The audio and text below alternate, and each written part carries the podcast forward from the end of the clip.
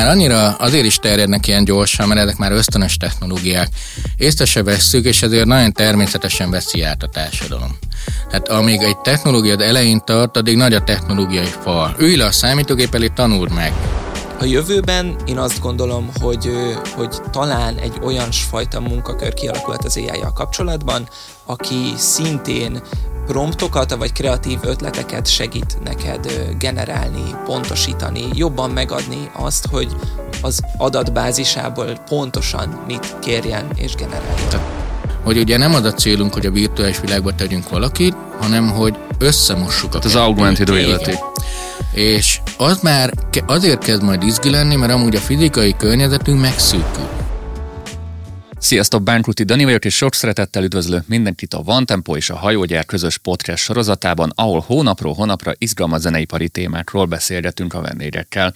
Mai témánk egy váróvárt téma, és tulajdonképpen az egész világ teljes lázban ég az AI forradalomtól, ami kb. már egy pár éve elkezdődött, de most lett igazából publikus az, hogy mennyi fejlesztés lesz és van a technológiákban. Úgyhogy ma a zeneipar vonatkozásában beszélgetünk a vendégeinkkel. Vendégünk dr. Rabárpád jövőkutató, illetve Levi Pest, producer, zenei producer. Sziasztok, sok szeretettel üdvözöllek titeket. Sziasztok. Sziasztok. Művészetnek tekinthető-e, ha számítógéppel készítjük a zenét, vagy a számítógép generálja nekünk az ötleteket és a zenét, ebben az esetben az AI, mit gondoltok róla? Én nem tudok határozott választani rá. Azt tudom elmondani, hogy mi az, ami nagyon szubjektíven szerintem igaz. Velem még sosem rezonált olyan zene, sosem kapcsolódtam olyan zenére, amit, amit AI kreált. Viszont egyelőre. Én, egyelőre.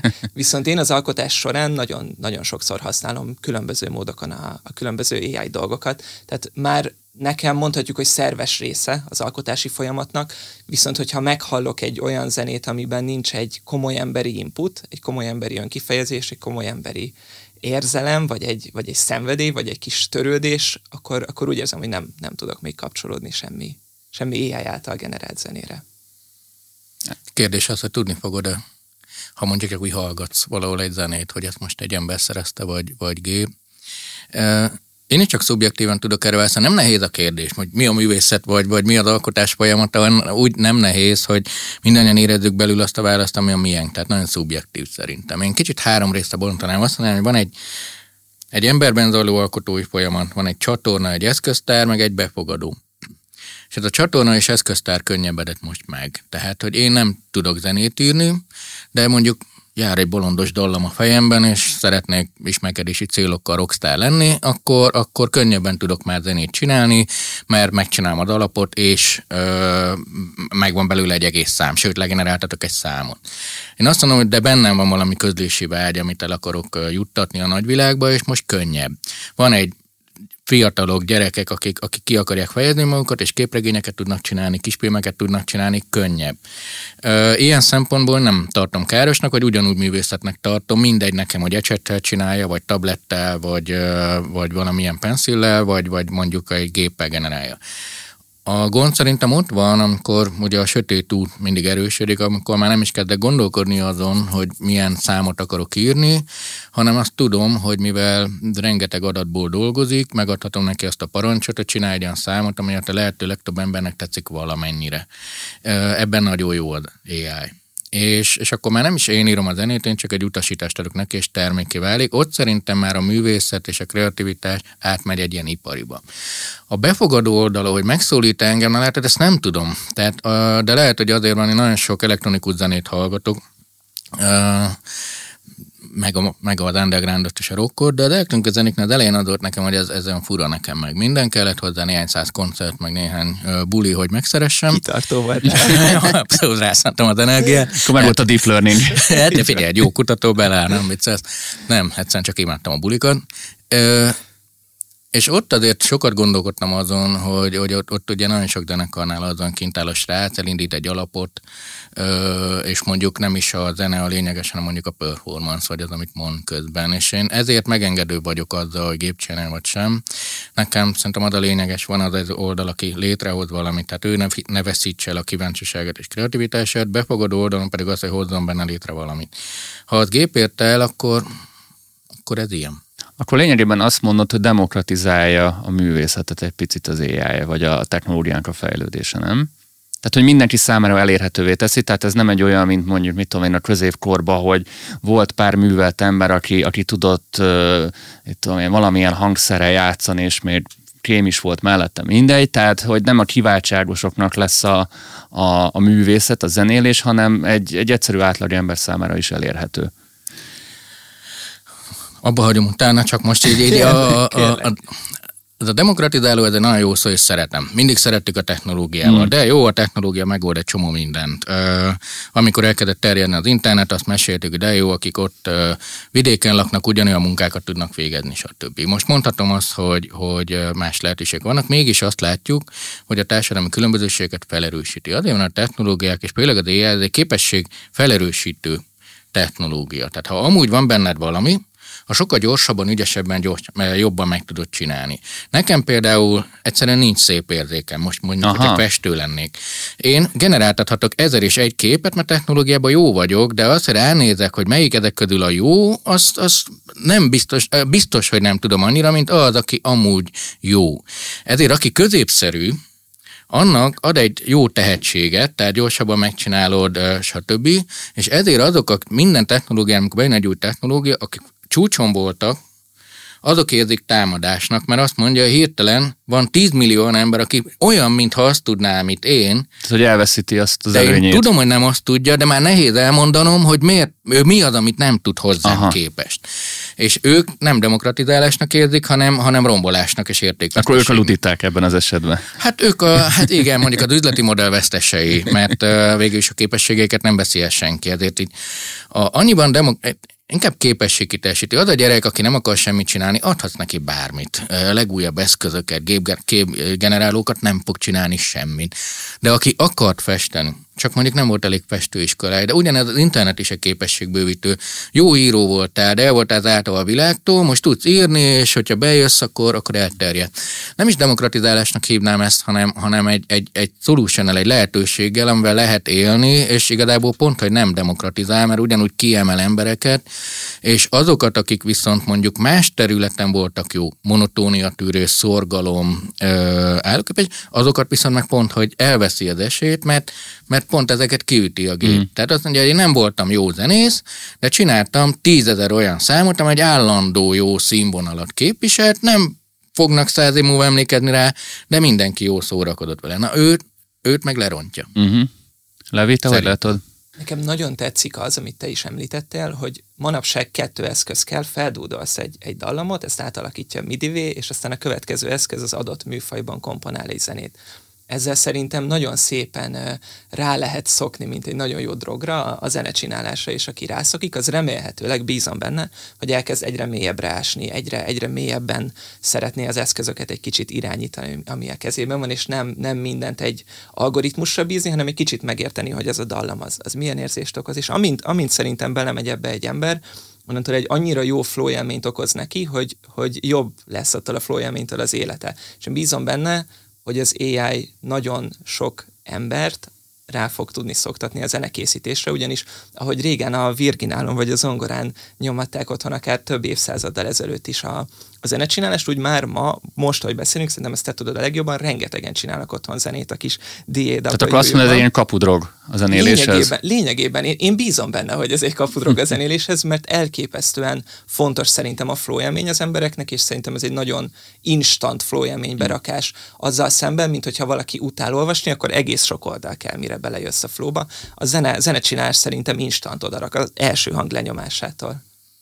Ez, ez nekem nagyon tetszik. Itt és az ai egy nagyon fontos dolgát, ami nem csak a zenei para, az ez a transzparencia szerintem nagyon fontos. Ez, ez például a zene, igen, nagyon jó kísérletezéses. Arra jó példa, hogy én elkezdek ráállok a zene nevű drogra, és azt mondom, hogy de jó, most egyedül valami játszom, de milyen jó, mi lenne, ha szólna végig egy trombita. És nem két hétig kísérletezem, hanem beállítok néhány prompt manővert, végigmegy, és megállítom, hogy hú, hát ez még rosszabb ötlet volt, mint az előtti, de tudom, és közben játszottam, fejlődtem, és tudom már, hogy én és a trombita nem vagyunk barátok.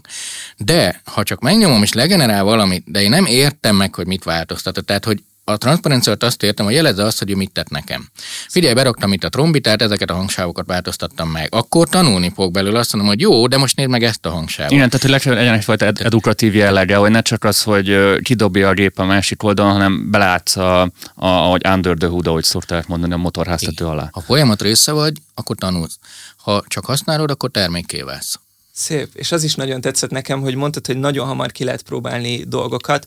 Ez azért röhögtem fel ennyire, mert simán rá tudom szentelni, vagy neki tudom szentelni fél évet az életemnek, mondjuk arra, hogy ötletelek egy nagyon király videóötleten, megcsinálom a videóötletet fél évet, és rájövök, hogy teljesen borzasztó, és aztán... Mert hogy fejben jó ötletnek Igen, tűnt. fejben zseniálisnak tűnt, és rájöttem, hogy ez szörnyű, és hogyha ezt meg tudnám csinálni három perc alatt, és rögtön legyártana nekem valami kis, például egy zeneötlettel egy, egy kis trombita szólót ad, akkor rájövök, hogy hát ez, ez valójában egy borzasztó ötlet volt, próbáljunk ki valami más, de tök király, kipróbáltam, mert lehet, hogy ez egy nagyon király ötlet volt. Igen, csak az, amikor fél évet kísérletezel, az kell ahhoz, hogy utána az egy perc múlva itt is megítélt, hogy ez jó. Tehát, igaz. ugye, és na ez az a, a gyorsítás miatt, most hát az, hogy kísérletez, transzparencia, de utána megint kísérletez, és utána, hogy megítélt, hogy jó-e. És valahol most a hivatalos művészetnél én az a, a nem állapítottuk meg definícióját, és szerintem egy, egy talán 40 órás műsorban tudnánk mondani aspektust, de az egyik az, hogy kilépsz a szintére vagy sem, és én itt is nagy különbséget teszek. Tehát ha én azt mondom, hogy én azért zenélek, hogy más meghallgassa, akkor már máshogy állok, hogy a trombita hogy szól, stb. stb. Akkor már egy, egy, egy közönségnek csinálok valamit, akkor az ő fülével is meg kell tudjam hallani. Ahhoz például már tehetség kell, egy művész kell, aki megérzi azt az rezonanciát, amit a hallgatóságban okoz. Verseket szoktam írni, ezek a versek szerintem rosszak de én nagyon szeretem őket írni, iszonyatos flow élmény. De mindegy, hogy jók vagy rosszak, mert sose azért írtam, hogy valaki elolvassa. Te, te szereted írni. ezeket a verseket? Ja, persze, én Akkor jók a versek valójában. Köszi az önbizalmat, hogy szerintem ezek a versek, nem, amúgy uh, hidd el, tehát, hogy... Lehet, hogy, hogy szerintem uh, borzasztok, de ez neked minden. De, de ez mindig a perspektíva kérdése. Tehát, ha például kiállnék, de köszönöm, ha kiállnék a közönség elé, akkor nyilván elkezdene azon menni a agyam, hogy jó, de ezt az üzenetet megértik-e, most nem túl kitárulkodott Jó, tehát hogy dekódolható el mondjuk a, az átlagember számára, arra gondolsz, hogy, Igen, hogy, hogy átmegy az info? Csak oda akarok kiukadni amellett, hogy magamat ostorozom, hogy az AI például ebben nagyon nagy segítséget tud nyújtani, hogy én azt mondom, hogy figyelj, itt van ez a szám, én szeretem, szerintem jó, de picit annyit üssé már rajta, hogy mindenki szeresse. Mert van végtelen sok adata. A zeneipart nézzük egyszerűen azt, hogy mit hallgatnak. És nyilván ez az uniformizáció felé visz, mert amit eddig sokan hallgattak, a historikusság miatt rögzíti az eddigi trendeket. És azt mondja, eddig sokan hallgatták, akkor ezen túl is ezt fogják sokan hallgatni. Ami nem igaz, mert ha így lenne, akkor még mindig néhány csontbillentyűvel ütögetnénk egymás buksiján. De, de, és akkor itt jön be megint egy művészet, hogy ő az AI historikusságot képes, azt mondja, hogy az emberek most valamilyet akarnak hallgatni, és az még nincs leírva, mert nem volt. És ehhez emberi tehetség kell. A művészet kapcsán, mert mikor a zenészekkel beszélgetek AI kapcsán, mindig azzal szokták nyugtatni egyelőre magukat, hogy a művészet, mert az ember által kreált dolog attól szép, hogy benne vannak az emberi hibák, az emberi esetlenségek, ezek az imperfekciók. Ö, hogy látjátok, hogy tudja a gép majd ezeket az imperfekciókat szimulálni, emulálni, és nagyon megtévezhetetlen lesz egy emberi hibázástól, vagy ez tényleg az embernek lesz így a privilégiuma? Ez egy végtelenül izgalmas kérdés. Az biztos, hogy a, az emberi field, például egy, vagy a emberi, megpróbálom szépen magyarul mondani, az emberi érzelmeket dobolás során, a swingeket, húzásokat már gyönyörűen tudja szimulálni a Google-nek a, a Magenta, vagy Magenta, vagy nem tudom, hogy kell kiejteni szoftvere, és be, beadsz neki bármilyen nagyon egyenes például trapdobot, és simán csinál belőle egy ilyen óriás húzást másodpercek alatt élő dob alapján. Hogy tud-e olyan hibákat szimulálni, amik tényleg véletlenül fordulnak elő, Persze, hogy tud, mert random megadjuk neki, mm. hogy milyen hibák működtek eddig a művészetekben, amik aztán végül nem hibák lettek, hanem, hanem erélyek, vagy erények, bocsánat. És ö, arra vagyok kíváncsi, hogy meg lehet-e oldani azt, hogy ezekből a hibákból kiválogatjuk a nekünk tetsző hibákat ember nélkül, AI, csak AI-jal. Én azt gondolom, hogy ez még messze van. Azt gondolom, hogy messze van az, nem tudom, hogy a messze az pontosan mit jelent. Messze van az, hogy én, hogy én emberi gyarlóságot és érzelmeket és, és nyersséget kapjak egy AI által generált zenétől, vagy akár csak egy szoftvertől, ami a zenét támogatja. Én, én úgy érzem, hogy ezt még, ezt még nem, nem, nem fogjuk hallani egy tíz hmm. évig talán. Ne, csak a hasamra ütök. Nem. Én, nekem nem ez a szak. De a... mit gondolsz? Kíváncsi vagyok. Ugye, na, amúgy az AI nem működik jól, tele van hibákkal. Tehát ez egy fejlődés, 60-as években indult, nemrég kapott egy nagy boostot, mert nagyon sok processzorunk lett, és uh-huh. nagyon sok tárhelyünk lett. Ezzel lett sok adatunk. És most leegyszerűsítve az AI-t így, így, így három részre lehet osztani, amire azt mondom, hogy adatok, számítások és a kimenet. És szerintem ezt a hármat mindig különböztet. Adatok terén, hogyha rossz adatot adok neki, rosszul fog dönteni. Ha nem adok meg egy adatot, ami fontos, megint rosszul fog dönteni.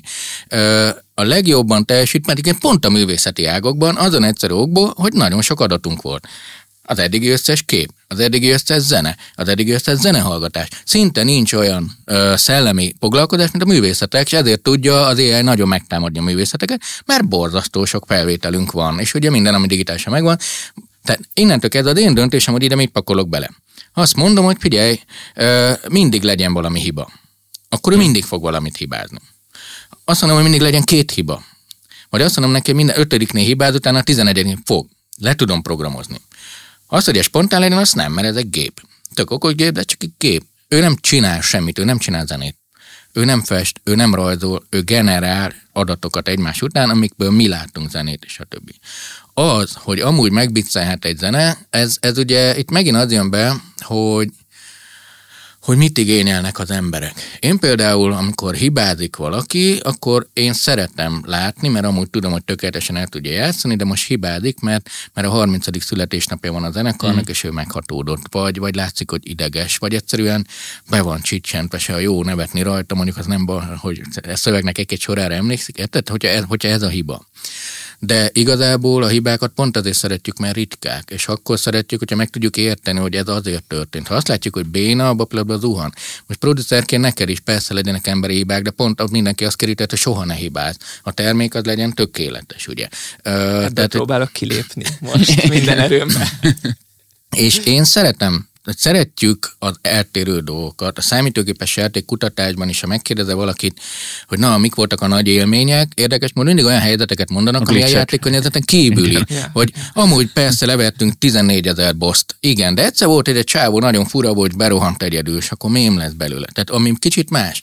Egy koncerten, egy élő koncerten szerintem pont ez a része, hogy, hogy, hogy nem is az, hogy hibázik, máshogy játsz el. De ez, szerintem amúgy a hibákkal nem megbocsátok az emberek, viszont az egyedivel, az érdekessel, vagy a sztorival, azzal igen, tehát magyarul nem az a kérdés, hogy tud-e hibázni, hanem tudom-e úgy hibáztatni a gépet, vagy hibára késztetni a gépet, hogy még egy tudjak egy narratívát tenni. Azért hibáz el ezt a számot, mert egy ilyen nevű lányba volt szerelmes. Akkor mindenki, ú, ez király, ezt tetszik.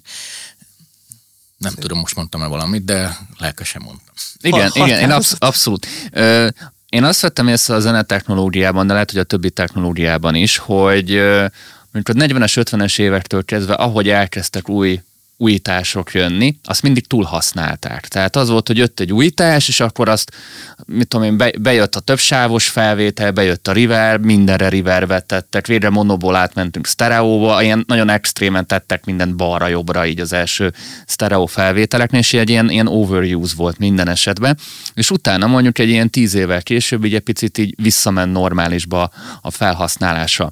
Mit gondoltok arról, hogy lehet, hogy ez az AI most ez egy ilyen hype, és az elején mindenki nagyon nagyon használni fogja, és ez visszanormalizálódik, tehát újra mondjuk, mikor mondják, hogy ez kézzel készült, hogy ezt emberi csinálta, tehát hogy visszajön az élőzenének, az emberi teljesítménynek a, a, a nívója, és ez az AI visszamegy egy ilyen túlszintre, vagy, vagy teljesen takeover itt a dolgokat átveszi, és, és sok-sok évig dominálni fog ez még.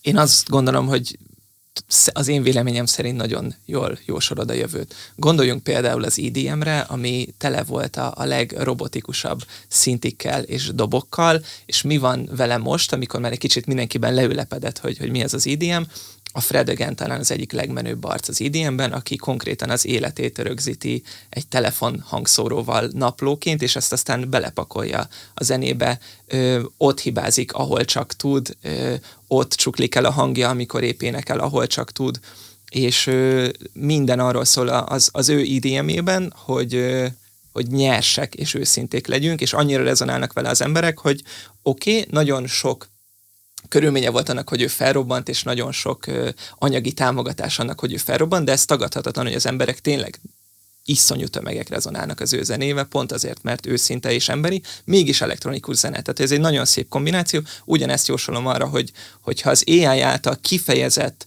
soundok, vagy melódiák, vagy akár talán stílusok, de ezt, ezt, ezt nem mondanám, ki fognak most alakulni és nagyon virágzani, akkor azok szépen, szépen pont, ahogy mondod, hmm. majd lecsillapodnak és, és összevegyülnek a, az ilyen emberibb dolgokkal. Én legalábbis ezt szeretném hinni.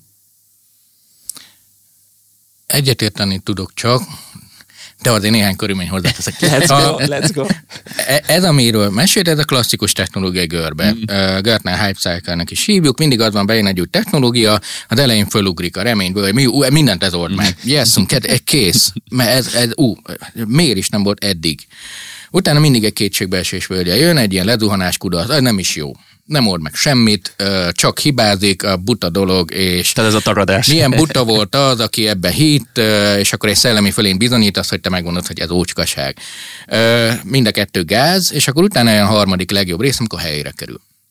Amikor azt mondod, hogy igen, az AI, tudjuk, hogy az AI egyébként tényleg nagyon-nagyon forradalmi de nem fog annyira elterjedni, mint amennyire most beszélünk róla, egyszerűen azért, mert nagyon sok processzor, energia és víz kell hozzá. Nem fogjuk tudni mindenhol használni mindenkinek, de lesz 15 milliárd ai egy csomó mindent meg fog csinálni. Az, hogy, hogy amúgy például, hogyha zenéről beszélünk, oké, okay, amikor hallgatom a zenét, de alapvetően azért szeretjük hozzákötni valakit egy személyhez, akinek van egy sztoria, elcsuklik a hangja, vagy sem.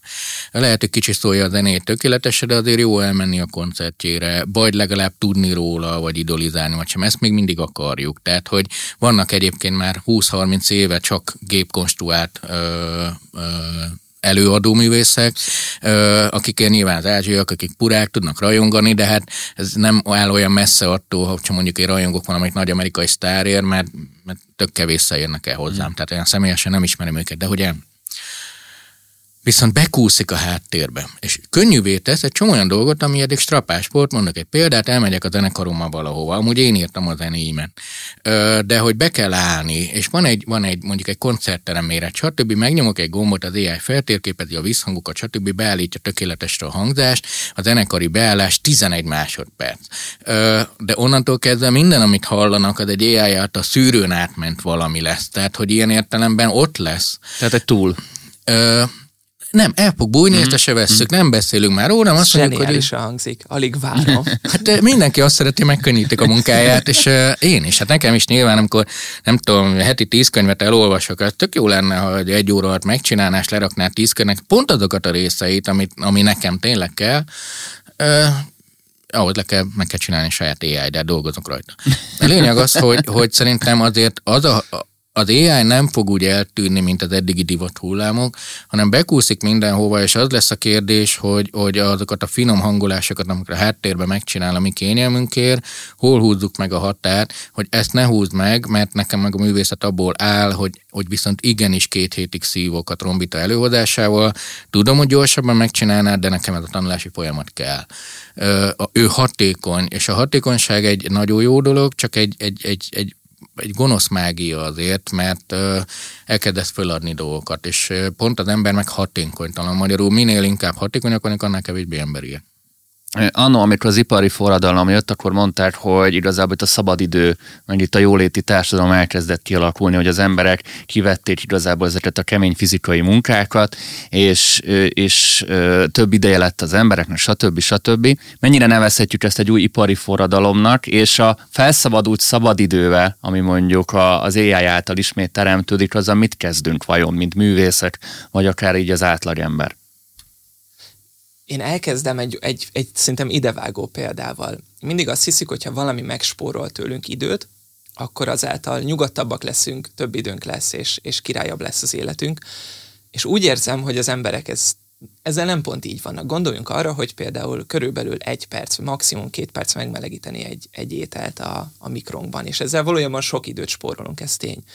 De annyira idegesek tudunk lenni az utolsó fél percben, hogy szerintem megmérgezi a, a következő egy óránkat, tele van kortizollal, stresszhormonnal a vérünk, még hogyha két órát kell várnunk a sütőben az ételre, és csak ott így malmozunk, egy kicsit várunk, egy kicsit talán unatkozunk is, ami a kreativitásnak egyébként egy nagyon-nagyon-nagyon jót tesz, azzal egy sokkal jobb helyzetben vagyunk a napunk többi részében. Ugyan időt spóroltunk, de azt érzem, hogy minden egyes eszköz, amivel időt spórolunk, egy kicsit stresszesebbé tud tenni minket automatikusan. Ha odafigyelünk, akkor nem.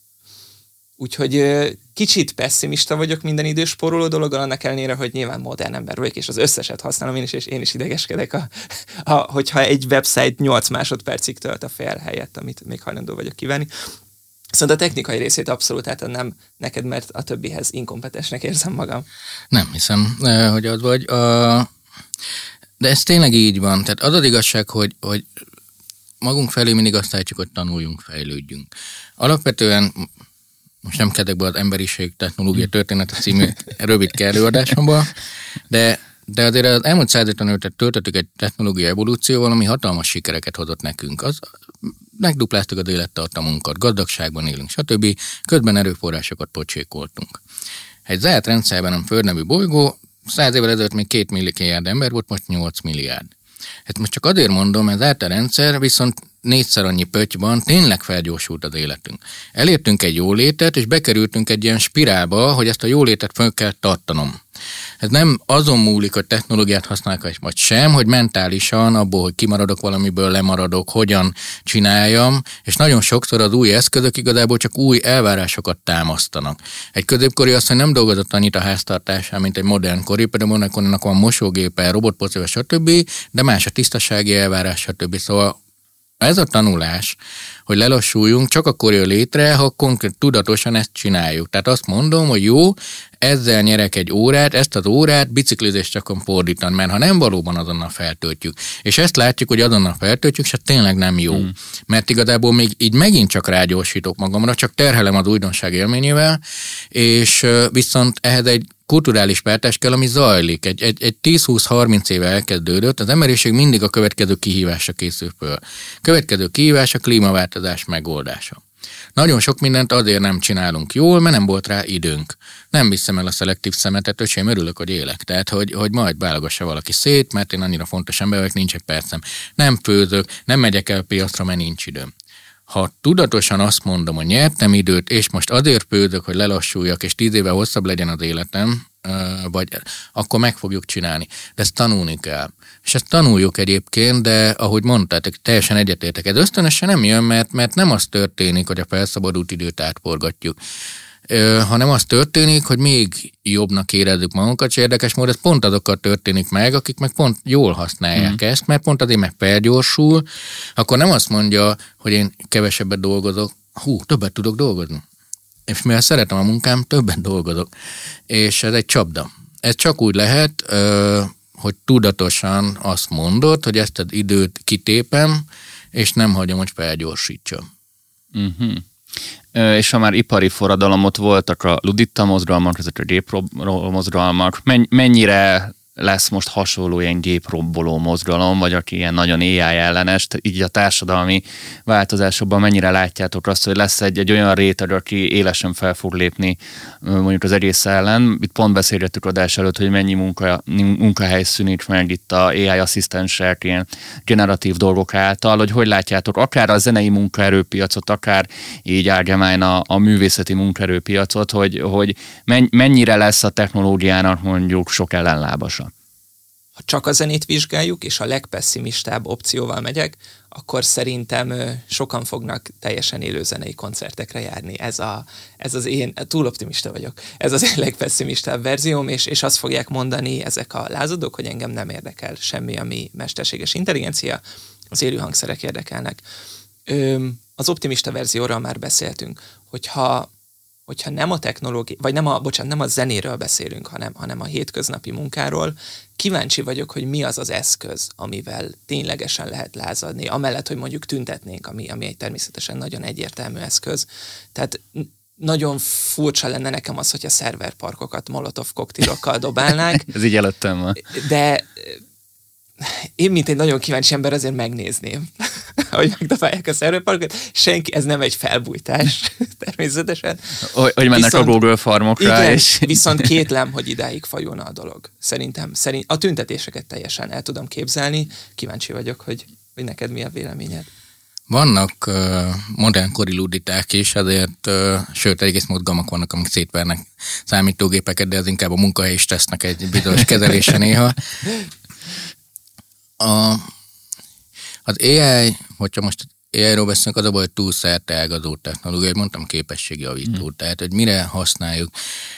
Meggyőződésem, hogy nem tudjuk az AI nélkül megmenteni a Földet és az életszínvonalunkat 9 milliárd emberre vonatkoztatva. Azzal együtt meg tudjuk. Hát az egyik. A másik az, hogy általában nem attól félünk, hogy elveszik a munkánkat, hanem attól, hogy elveszik a pénzünket. Mindenkinek a munkájának vannak rutinszerű, unalmas része, és nem baj, hogyha egy gép megcsinálja. Nem baj, hogy egy orvos munkaidejének a felét felszabadítom, mert a fele az az adminisztráció egy mm-hmm. orvosnál. De van leíratozó szoftverem, szövegező mm. szoftverem, lehetne egy konzultáció, csak így beszélgetek, és a végén megkapjuk. Ö, fel tudok gyorsítani folyamatokat. Lehetővé teszi az AI, hogy úgy találok ide, hogy közben nézi a forgalmat, hogy kölcsön tudom adni a fűníromat idegeneknek, együtt tudunk működni, hatékonyan tudunk erőforrásokat kihasználni. De ez mindenkinek a munkájában beüt. Tehát, hogyha rutinszerű volt a munkám egy része, akkor azt valóban elveheti, akkor az első kérdésem az, hogy de ez gond de.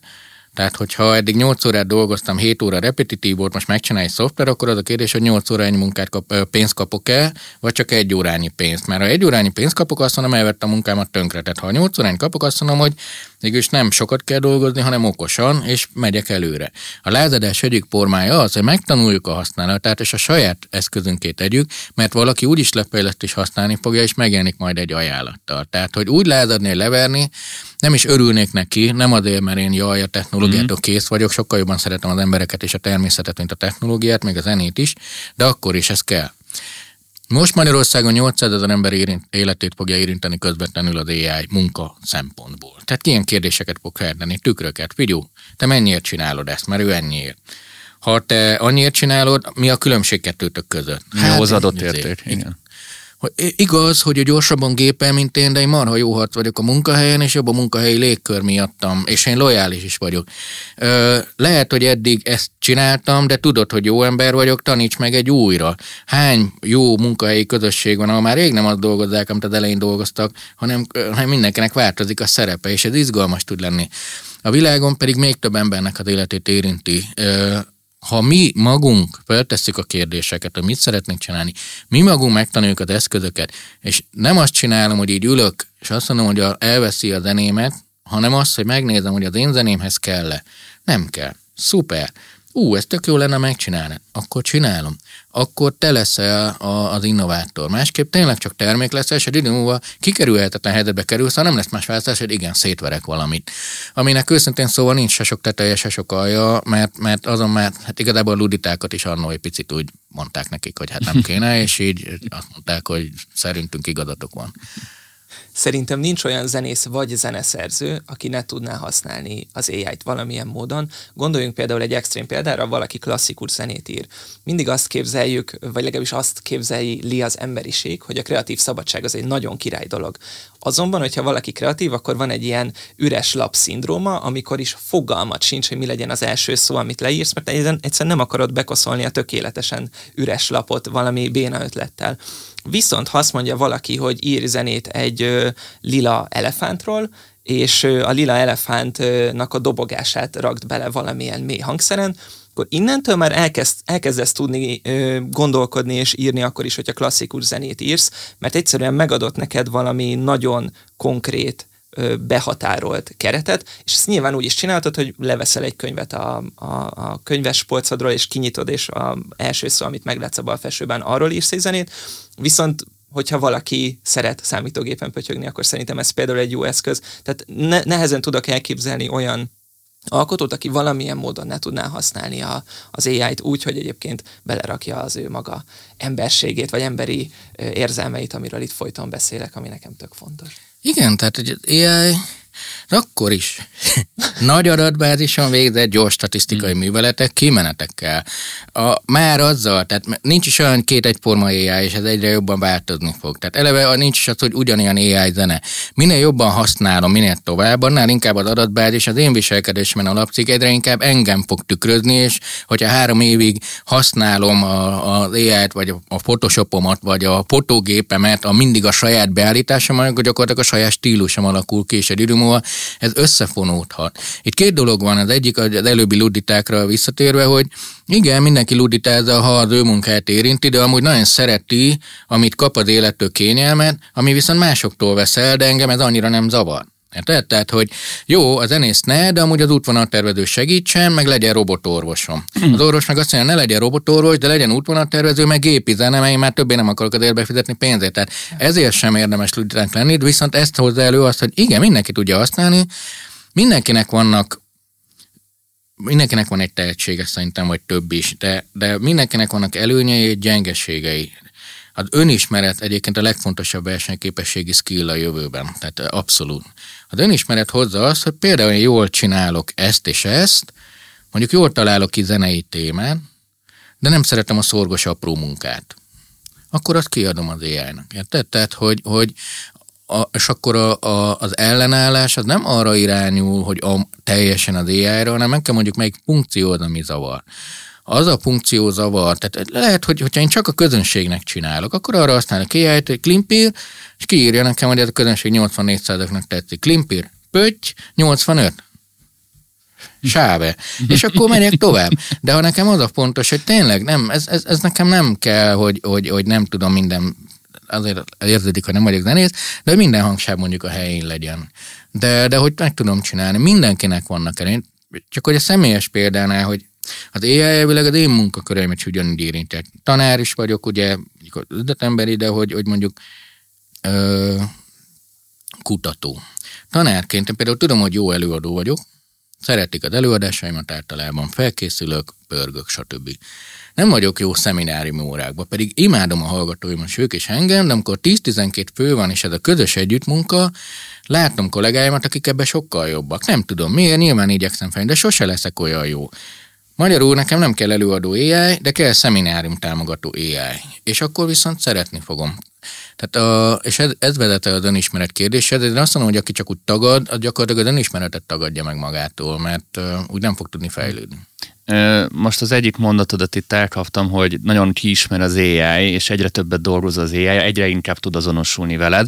Most a legújabb Black Mirror évadban volt egy olyan rész, aminek az volt a lényege, hogy Netflixre előfizetett, és a saját életét látta tulajdonképpen rá aznap este, mint egy sorozatként, mert hogy a telefonja folyamatosan rögzített az életét, és legenerálták, és deepfake-kel megcsinálták más színészekkel. Ö, mennyire lehet, ez most csak ilyen theory crafting, mennyire lehet az mondjuk ilyen lehetséges jövőkép, hogy mindenkire személyre szabott tartalmat tud készíteni az AI az ő preferenciái alapján. Tehát nem az lesz, hogy, hogy most van egy választék zeneileg, vagy akár filmügyileg is, hanem mindenki egyénre, sztorira, személyre szabott anyagot kap. Mennyi, mennyire látjátok ennek a rációját? Én azért nem kételkedek ebben, hogy, hogy ilyen tutira lesz. Pont meséltem az adás előtt, hogy egy négy órás vonatutat a barátaimmal azzal ütöttünk el, hogy megadtuk a ChatGPT-nek mind a négy főnknek a legfőbb jellemzőit, külsőre, belsőre, életkor, stb és aztán különböző hollywoodi skripteket gyártattunk vele, különböző műfajokban. Horror, dráma, kiveszik össze kivel, kikavar össze kivel, vígjáték, ír bele viccet, volt benne egy, egy hárfás lány a horrorfilmben, elpattant a hárfa húrja, pont úgy kicsapta a szemét, hogy felállt, összetört valamit, és végső állomás. És az egész, ez egész borzasztóan izgalmas volt pusztán attól, hogy ott volt, nem tudom, tíz szó magamról, hogy én általában hogyan reagálok szituációkra, és viszont hallottam magam. Én azt gondolom, hogy kizárt, hogy ez ne jöjjön el.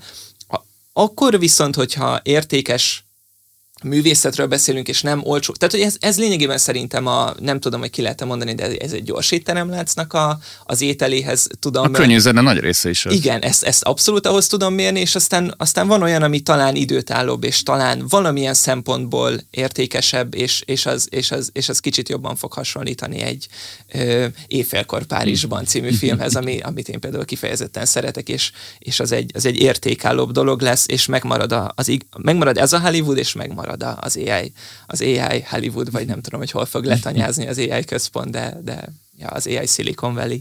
Ugye most is a internet 30%-et gépek írják, és 40%-et gépek olvassák, tehát lehet egy olyan AI vita fórum, hogy az ő filmeket az AI-ok szídják, és minket ez nem zavar. Itt ez abszolút lehetséges. Már régóta. Tehát, hogy sok ember, sokan szoktak jön hozzám jönni, hogy ú, a Facebook lehallgat, mert beszéltem valamiről, stb. De nem kell, mert adatokból le tudom generálni. Már, már a Big Data korában ö, ö, ö, nagyon jól tudtunk előrejelezni, nagyon ki lehet ismerni az embereket. Tehát igen, a, az online viselkedés alapján, a, a összekapcsolt adatok alapján, geolokáció, bármilyen, 100-200 adatot gyűjtünk egy emberről, ez van. A másik, hogy a fogyasztást is így mérjük. Pont a Netflix ad, aki iszonyúan kulcs szavaz egyébként. Tehát kőkeményen szavaz, nem csak úgy szavaz, hogy akciófilm, hanem minden jelenet szavazva van, szőkenőlő puskával. Szőkenő lő puskával mellé. Ezzel nem tanítják az algoritmust amúgy, ezekről a kulcsszavakkal? Hát de az elején be kellett kulcsszavazni. És miközben te nézed, ez gyűjti, még fogalmuk sincs, mire lesz jó, de egyik, amire jó lesz, és személyre szabott filmet lehet csinálni. Most meg tudom csinálni az ai hogy ahogy most beszélek, így a háttérben megy egy film, és ahogy beszélek, megrajzolja a filmet, és akkor köztünk létrejöhet egyébként egy mélyebb megértés, mert ha azt mondom, hogy hajó, akkor most mindhármunk fejében egy más minta jelenik meg, vitorlás hajó, mit tudom én mi, de azt látjátok, hogy az én fejemben uh-huh. mi mhm. jelenik meg. Nyilván, hogyha ezt a oktatásba használom, baromira tudom manipulálni a közönséget, mert azt mondom, hogy nem tudom, másik világháború elindultak ö, északon, de átbalagtak az Ardeneken, a németek mindenkit jó becsaptak, nem mindegy, hogy azok a, né- a németek azok ilyen száfás árja típusúak, hogy ilyen mm. ö, gonoszak. Ezt értjük. A személyre szabott szolgáltatásoknak viszont két nagy határa van. Egyik az, hogy nem éri meg.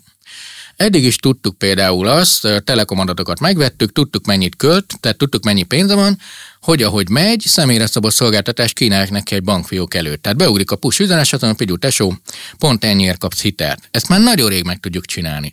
De nem éri meg, mert egy bank kidolgoz három hitelajánlatot, ami a legjobb különféle évek alapján a saját bankja, és ő azt a hármat akarja, nem rabárpád hitelt akar nekem adni, hanem a három hitelkonstrukció közül az egyiket. Úgyhogy inkább azt csinálom, hogy manipulálom, hogy azt a hitelt vegye meg. Meg tudom csinálni, hogy személyre szabott film legyen, de akkor azok, nem, akik fogyasztják, nem tudnak beszélgetni egymással a filmről. Hú, azt mondom, milyen király volt a, az a csaj, az, az, az jó nézett ki. De hát a fős az egy csávó volt.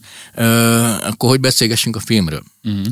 Tehát nem elég, hogy tudom a, a keresletnek minden személyre szabadságát, a kínálati oldalon kell legyen a termék, mert ezt nem vehetem el azt, ha nincsenek közös pontok, nincs közös élmény, akkor nem tudok belőle franchise-t építeni, ö, és akkor nem tudom termékesíteni. Szóval meg lehet csinálni, de szerintem nem fogja elsöpörni a piacot.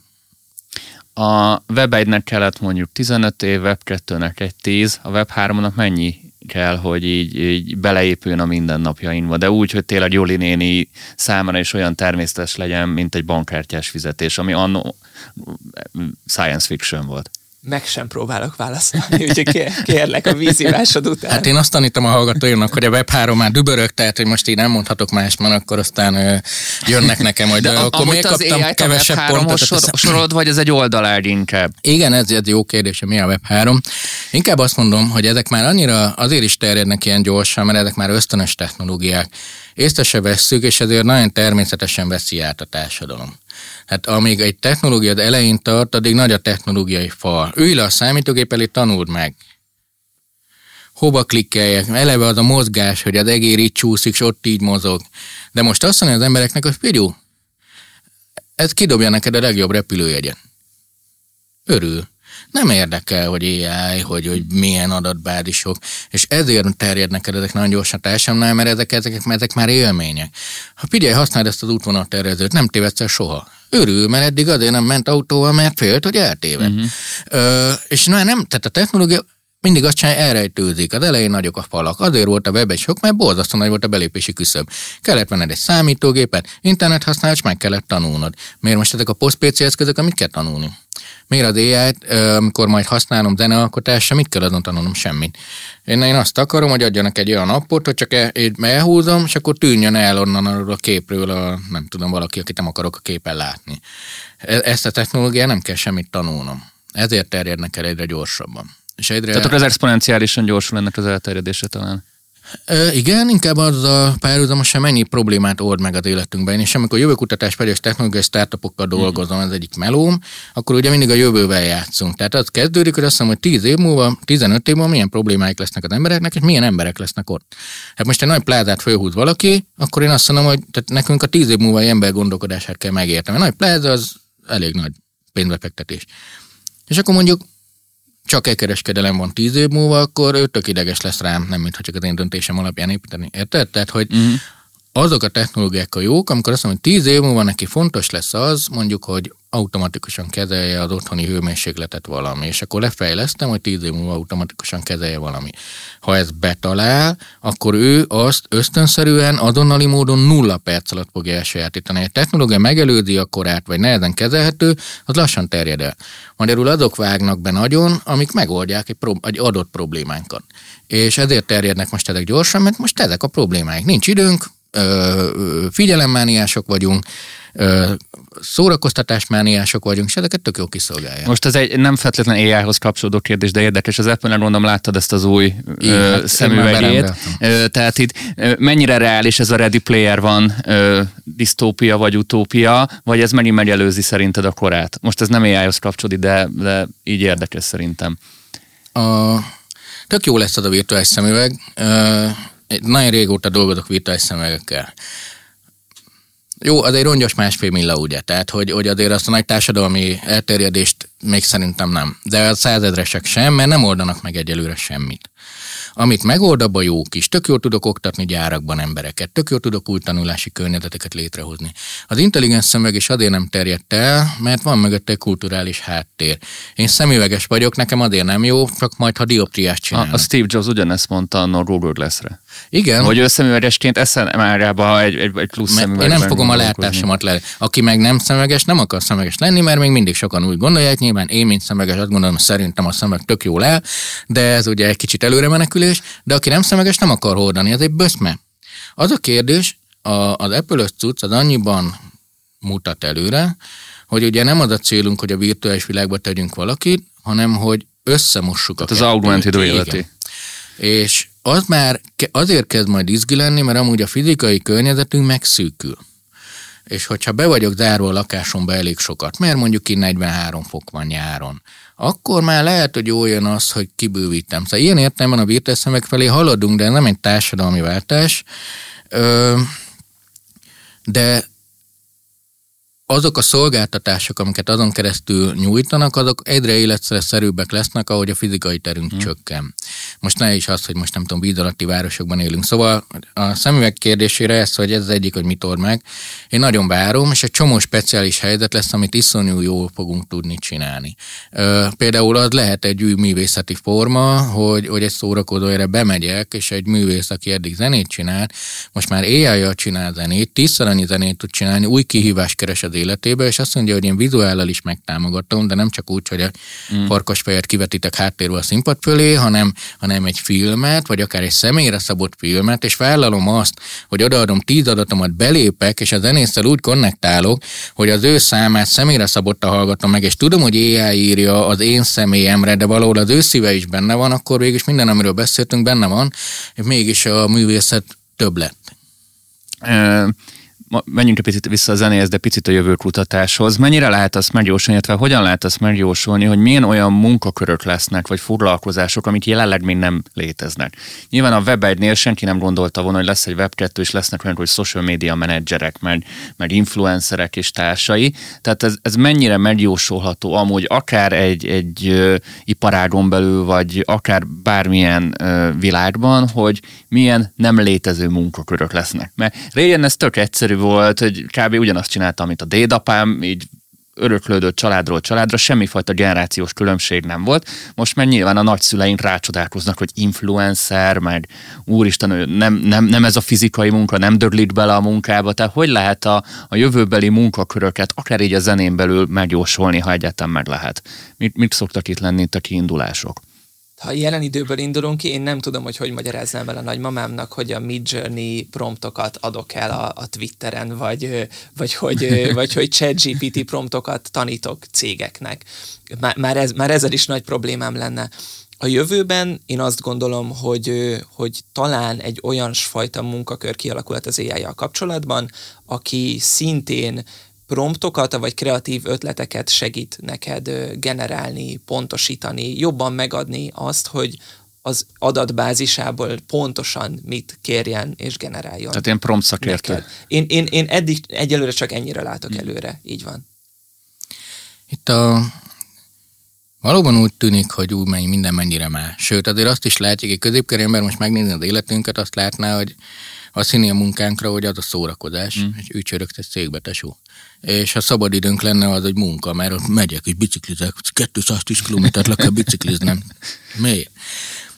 Ez oké, okay, de viszont az van azért, hogy az alappilozópiák sokszor nem változnak. Tehát az, nem lebecsülve a nagymamának a képességeit, de azért, mert nem ismerem annyira az új technológiákat. Azt, hogy Mid Journey-n promptozol, vagy tesztelsz, vagy bármit, vagy ilyeneket, azt nem, de azt, hogy figyelj, én a zenével foglalkozom, és előkészítek dolgokat, hogy mások könnyebben tudjanak zenét írni, azt viszont már megérteni. Tehát, Abszolút, hogy nagyon az, éles hogy... eszű nagymamáim vannak. egyébként, egyébként meg sokszor alábecsüki. Tehát azt mondani, hogy embereket irányítok, mert én egy ilyen vezető típusú vagyok. Az, hogy most projektmenedzsernek hívjuk, királynak, vagy valami, az, hogy mi az eszköztára, de ő neki ez a képessége. Valaki elmagyarázni tud dolgokat. Van, aki segíteni szeret embereken gyógyítani. Tehát, hogy azért nem, a művészeti szempontból nézve általában az van, ugye, amit mondtam, hogy a közepet tolja szét, tehát aki jó, az egyre jobb lesz, és egyre inkább a szakértőség felé megy el. Tehát azt például el tudom képzelni, ha már nem ír zenéket, mégis egész nap ai foglalkozik egy zeneírással, mert, mert lesz majd három zeneíró AI tíz év múlva, és hát lesz a cég, és azt mondja, hogy nekem most három AI adott árajánlatot, de nem tudom melyik a jó. És akkor Árpád, most képzeljük el, hogy értenek a zenéhez, oda hívnak engem, és egy perces munkám van, és azt mondom neki, ez. De abban az egy percben az van, 365 napig én otthon. Hallgattam a izéket, ő kifizeti nekem azt az egy évet, ez az ideális állapot szakértőként, és kifizeti. A másik az, hogy ha viszont olyat csináltam, ami, ami, ami nem járul hozzá az iparnak a fejlődéséhez, akkor az lecserélhető. Új munkahelyek olyankor jönnek létre, amikor szinergiák jönnek létre más iparágakkal. Szerintem a hagyományos zeneiparban nem jönnek létre új munkakörök, hanem amit mondtam, pénz széttolódik. Viszont az a kérdés, hogy mivel fog összekapcsolódni. Példa. Én most egészségügyi alkalmazásokat, nagyon sokat, robotokat is fejlesztek, stb. Egyébként az egyik projektben pont arra tanítok robotokat, hogy néha hibázzanak. Mert, mert nem szeretik az emberek a tökéletest, otthoni robotot fejlesztek, időseket gondoz. És azon programozok most, hogy persze nem hibázhat, gyógyszert ad, stb., de hogy megbotlik a küszöbben, meg megbotlik a közökben a kis robot Robi, akkor oda megy, fölsegíti, létrejön az érzelmi konnekció, és akkor már nem csak egy robotja van, hanem neki egy társa van. De nekem kell az, hogy ez a robot zenét játszom. De nem értek a zenészhez. Hát lehet olyan zenész, aki eddig csak zenész volt, de éhez alkalmazásoknak fog olyan munkai légkört, éjjel apa megmondja, hogy nézd ennek a nőnek, vasárnap délután ez a zene szóljon, amit ő ott legeneráltat az ai mert nem akarok szerző jogdíjakkal hmm. szórakozni, generálja a kis robot Robi, de azt én nem tudom megcsinálni, és akkor ő most orvos, vagy zenész. Tehát akkor jönnek létre újak, amikor átmész uh-huh. más időre. Például nincs nekem elég sebészem, most nekem a világ ura vagyok, ugye, és akkor ugye mindenhol kevés orvos van. Mert napi 200 ezer új ember van, és egy orvos 6 év. Vannak grafikusaim, amiknek nem remeg a kede. Nekem van sebészikém, amiben AI van, meg tudok műteni valakit, de remeg a kezem nekem. De a grafikusom elhúzza, úgy tud kört húzni, hogy nem rezdül meg a keze. Meg tud műteni most már egy embert, akkor most sebész vagy grafikus? Hogyha ennek lesz majd egy új neve, grafosebész, és az egy új munkahely. Szóval szerintem ez lesz a nagyon izgi, hogy az, azt az amúgy skillt, amit megszereztem, és bejön az AI, azzal a skill milyen más területet tudok átmenni, hogy magamat felinnováljam. És az mind új munkahely lesz. Tök jó, hogy hoztad a robotokat. Ezt hoztam volna a végére. Én Asimovon nőttem föl, úgyhogy a, a ilyen robotika problémák, amiket ő leírt, hihetetlenül kezdenek most itt megelevenedni és pont néztem egy interjút az Elon musk aki arról beszélt, hogy a törvények mindig le vannak maradva ezektől a újításoktól, és szerint az a legnagyobb veszély az egész AI technológiának, hogy a törvény akkor éri utol, amikor már valami baj van. Tehát, hogy csak akkor hozzák meg azokat a nagyon ö, szigorú szabályokat, amikor már tényleg bekövetkezett valami komoly eset. Hogy hogy látjátok, hogy mennyire tudja akár a jogi szabályozás lekövetni a, az AI-nak az egész fejlődését. Itt zeneiparban is akár egy aktuális lehet itt a voice klónozás, hogy most feltámasztják a régi énekeseket, és azt se tudják, hogy mit csináljanak. Bár amerikai jogszabályokat már láttam, hogy, hogy erre vonatkoznak, de ez egy, egy full szürke zóna, hogy hogy látjátok itt a törvényi szabályozás, hogyan tud az AI-jal itt igazából versenyt tartani egy nagyon gyors gondolatot beszúrak ezekről a mesterséges intelligenciás énekesekről, és aztán át is adom a szót, mert szerintem sokkal profi választ fogsz tudni adni erre. Ugye óriásit ment az, amikor egy Drake számot hallhatunk, ami egy AI Drake, és a Universal rögtön rátaposott, és azt mondta, hogy ezt most mindenhonnan levesszük, kinyírjuk, ez, ez meg se történt, és létszi, ezt ne csináljátok, mert hogy jogilag ez nem oké, és a, a likeness-je nálunk van az adott előadónak, úgyhogy létszi, azzal ne éljetek vissza. Itt ugye az történt, hogy otthon lelkes srác felénekelt egy Drake-szerű éneket egy Drake-szerű zenei alapra, majd az ő éneksávját egy AI-jal átalakította úgy, hogy mondjuk, mintha most az én hangomról így átváltanánk nem de, tudom, a te hangodra, a deepfake például. És átváltottak így a Drake hangjára, és mindenki azt mondta, hogy itt az AI Drake. Az közönség többsége egyébként azt hitte, hogy konkrétan az AI-nek beletírva, hogy csinálj egy Drake számot, és ezt kiköpte. Valójában ez nem így történt, ezért még voltak is benne egész izgalmas dallamok, amit tényleg egy, tényleg egy ember írt. Ö, erre szerintem nagyon időben rátapostak, szerintem ez nem fog elburjánzani, mert underground körökben még mindig ezzel kísérleteznek emberek, és, és ha a producerek imádnak például most már úgy feltölteni Drake-type beatet, ugye szeretnék eladni hmm. a zenei alapjukat rappereknek, hogy Drake-szerű zenei alapot adnék el neked, és akkor már rajta van a, a Drake, a Drake-ének, amit, amit ő írt rá. Marketing eszközként egész jól működik, szerintem a producereknek viszont a közönségnek ez, ez egész uncsi, pont azok miatt a dolgok miatt, amikről eddig már beszéltünk, és akkor most az adásnak talán ez a tematikája vég, hogy átadom neked a szót. Kérlek, folytasd. Körbejárunk mindig, és az így van jó. A Ibizni szórán azt tanítom a hallgatóknak, hogy ha nem tanítanám őket etikus üzletkötésre, akkor azt mondanám nekik, hogy azt csináltak, amit akartak a digitális térben. A jognak ez a természete, és ezt is várjuk el tőle, hogy le van maradva. Tehát azért a jog akkor is őriz dolgokat, és én nagyon sok jogi kutatócsoportban dolgozunk, sokat vitatkozunk azon, hogy lehetne gyorsabban, de azért egy alaplogika mégis van. Meg kell történni egy eset, és azt az esetet megnézed, hogy mi történt, ha be tudod tenni az eddigi dolgokba, beteszed, ha nem, elkezdesz valami újat gyártani hozzá. Tehát eleve meg kell történni egy esetnek, kell történjen egy ilyen. Kell történjen egy fotóverseny, ahol egy AI fotó nyer, és akkor utána lehet nézni a dolgokat. És akkor megnézed, és reagálsz rá, általában ez négy év. Most gyorsul három évre. És egy e-business üzleti modell az két év általában, tehát azt csinálsz, amit akarsz, mert utólag már így nem. Tehát nyilván ez nem elfogadható viselkedés. Azért a jog nagyon megy előre, és például az AI szabályozás terén rengeteget tanult a közösségi média szabályozásból. Ott azért az nagy pofon volt a jognak. Hogy ez tényleg ilyen nehéz ügy, hogy tényleg ilyen szerte ágazó, hogy kívül is van, bent is, hazai is, nemzetközi is. Érzem, hogy megváltoztatja a világomat, de nem tudom, hogy bizonyítani.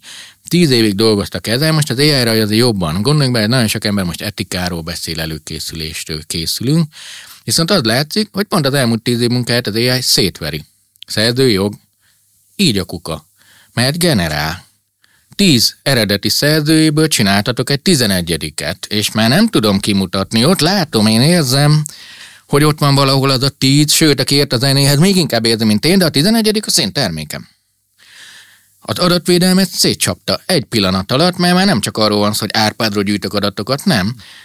Mintázatokat építek Árpádról, az meg kimutathatatlan. Tehát, hogy, hogy nagyon nagy kihívás előtt áll a jog, és nagyon nagy a, a, a feladatok is, csinálják ők rendesen. Azért, azért azt is látni kell, hogy az igazán komoly üzleti szereplőknél ez, ez ugyanúgy a jog nekik is védelem, mint sem. Most például az AI Act életbe lép november végén, van már jó néhány EU szabályozás, EU szabályozások számítanak a legszigorúbbaknak a világon, maguk a nagy tech cégek kérik, hogy kerülhetsünk már alája, nem kell a két év moratórium, hanem egyből, mert, mert nem akarják a felelősséget, mert így is tök sok pénzt tudnak keresni. Azt akarom csak mondani, hogy igen, a jog az mindig követő lesz, viszont igenis vannak olyan alapelvei, amiben kontextusba tudjuk tenni. És, és az, hogy, hogy a szerzőjogot le lehet taposni vele, rendben van, de azért egy, egy, egy jog az nem csak a regulation, a szabályozás, hanem a ló, tehát az erkölcs, a törvény is, hogy, hogy nem semmizhetek ki mindenkit. 80-as években tudtak volna automatikus robotgyárat építeni Olaszországban, és azt mondták, hogy nem építenek, mert akkor kiveszi meg az autókat, amit ott építünk. Tehát nem azért védem a szerzői jogot, mert ez, hanem akkor nem lesznek művészek, a, a kulturális sokszínűség szűnik meg. Szerintem a jognak fontos szerepe van, most már elég sok a, a, az előre jelző, és mindig vannak, akik partvonalon csalnak. Én azt akarom csak kiadni az egészből, hogy Jog nélkül ez nem menne. Imádom. Amit az embereknek meg kell érteniük, hogy a jog lassú, és a saját tudatosságuk nélkül nem fog működni az egész. Például, hogy azért veszek meg egy zenét, mert tudom, hogy ezzel egy zenészt támogatok, és most nem a jog számít, stb., hanem én ezzel robom le a zémet. És a másik oldal az etikus üzlet, amikor tudom, hogy megteltek valamit, de nem teszem meg. És ezen a téren sokan szkeptikusak, vagy sem, de azért az is látszik, hogy sok cég ezzel tud új vagy hosszú távú lojális híveket gyűjteni. Utolsó kérdésem, a kedvencem. Mennyire fog akár a zeneiparban a robotika megjelenni? Most kicsit engedjük el a fantáziákat. És akkor tényleg megérkeztünk a Simovhoz. Tehát mo- most, egy, most egy láthatatlan szereplőről beszéltünk, aki ott Igen. van a háttérben, és még mindig a húsvér emberek vannak, de hát azért a robotika is fejlődik, és elég, elég nagy ütemben itt azért a kettőt össze fogják tenni, és le, lehet, hogy lesznek olyan megoldások, vagy lehetnek, ahol maga fizikálisan is egy robot belép, beléphet itt a képbe, akár koncerteken, vagy bárhol. Ezt akartam kérdezni, hogy te koncertező Session zenészek, vagy ér, gondolj bele, hogy egy száztagú zenekart robotok. Lehet, hogy ez most csak geg az elején, elején, de, de ezek, ezek már létező dolgok, ennél bonyolultabb dolgokat már tudnak már csinálni. Én, én el tudom képzelni azt a, azt a dél-koreai koncertet, ahol, ahol 200, 200 robot játszik.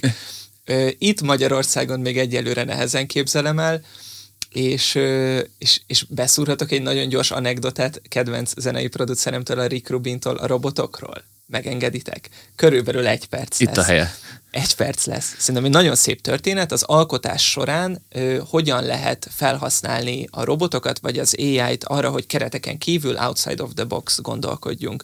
Van a Go nevű játék, ez Kínából ered. Akkor ez a könyvben olvastad. Így igen, van, igen, így igen. van. Ez egy ősi játék, körülbelül 3000 éves, ugyanolyan táblajáték, mint a sak, azzal az óriási különbséggel, hogy több lehetőség van a Go-ban, mint ahány homokszem van a Földön. Szinte végtelenek a lehetőségek a lépésekben. A Google-nek lett egy dokumentumfilm, vagy csináltak egy dokumentumfilmet arról, hogy egy Go nagymesterrel játszik egy, egy robot lényegében, és a 37. lépésnél két helyre léphetett volna a, a robot, majd a robot megtette a lépést a harmadik helyre, amire azt mondta a, sak nagy, a, bocsánat, a Go nagymester, hogy ez számára undorító, ő felállt az asztaltól, elsétált, a szakkommentátorok pedig azt mondták, hogy óriásit hibázott a, a, a, az AI, vagy a, vagy a robot, vagy a számítógép, és hogy elnézést a, a hibáért minden, minden kedves nézőnktől.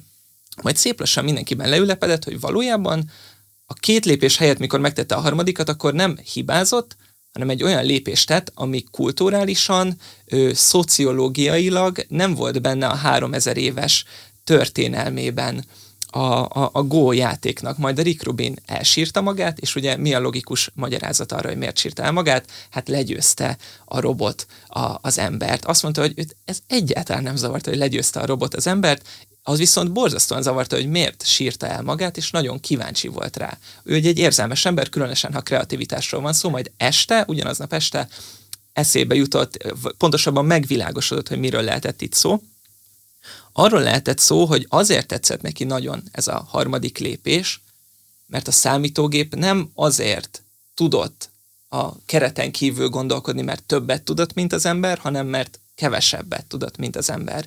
És tök szépen szerintem ki lehet használni az AI-t olyan kreatív ötletek bedobálására a brainstorming fázisban, ami egyszerűen azért nem jutna eszünkbe, mert emberből vagyunk, és, és, és úgy vagyunk megcsinálva, hogy ja, oda, de hogy is, miért, tehát az a dolog, amik nem is gondolt senki soha, miért gondolnék én, és talán az, az AI-nak azért, mert nincs beprogramozva az összes szociológiai ö, és, ö, és kapcsolati elem az emberek között, ezért neki ez eszébe jut. Szerintem ez egy gyönyörű történet arról, hogy lehet egy picit optimistában is gondolkodni, annak ellenére, hogy a legrosszabbra készülünk, és a Molotov mm. koktél mm.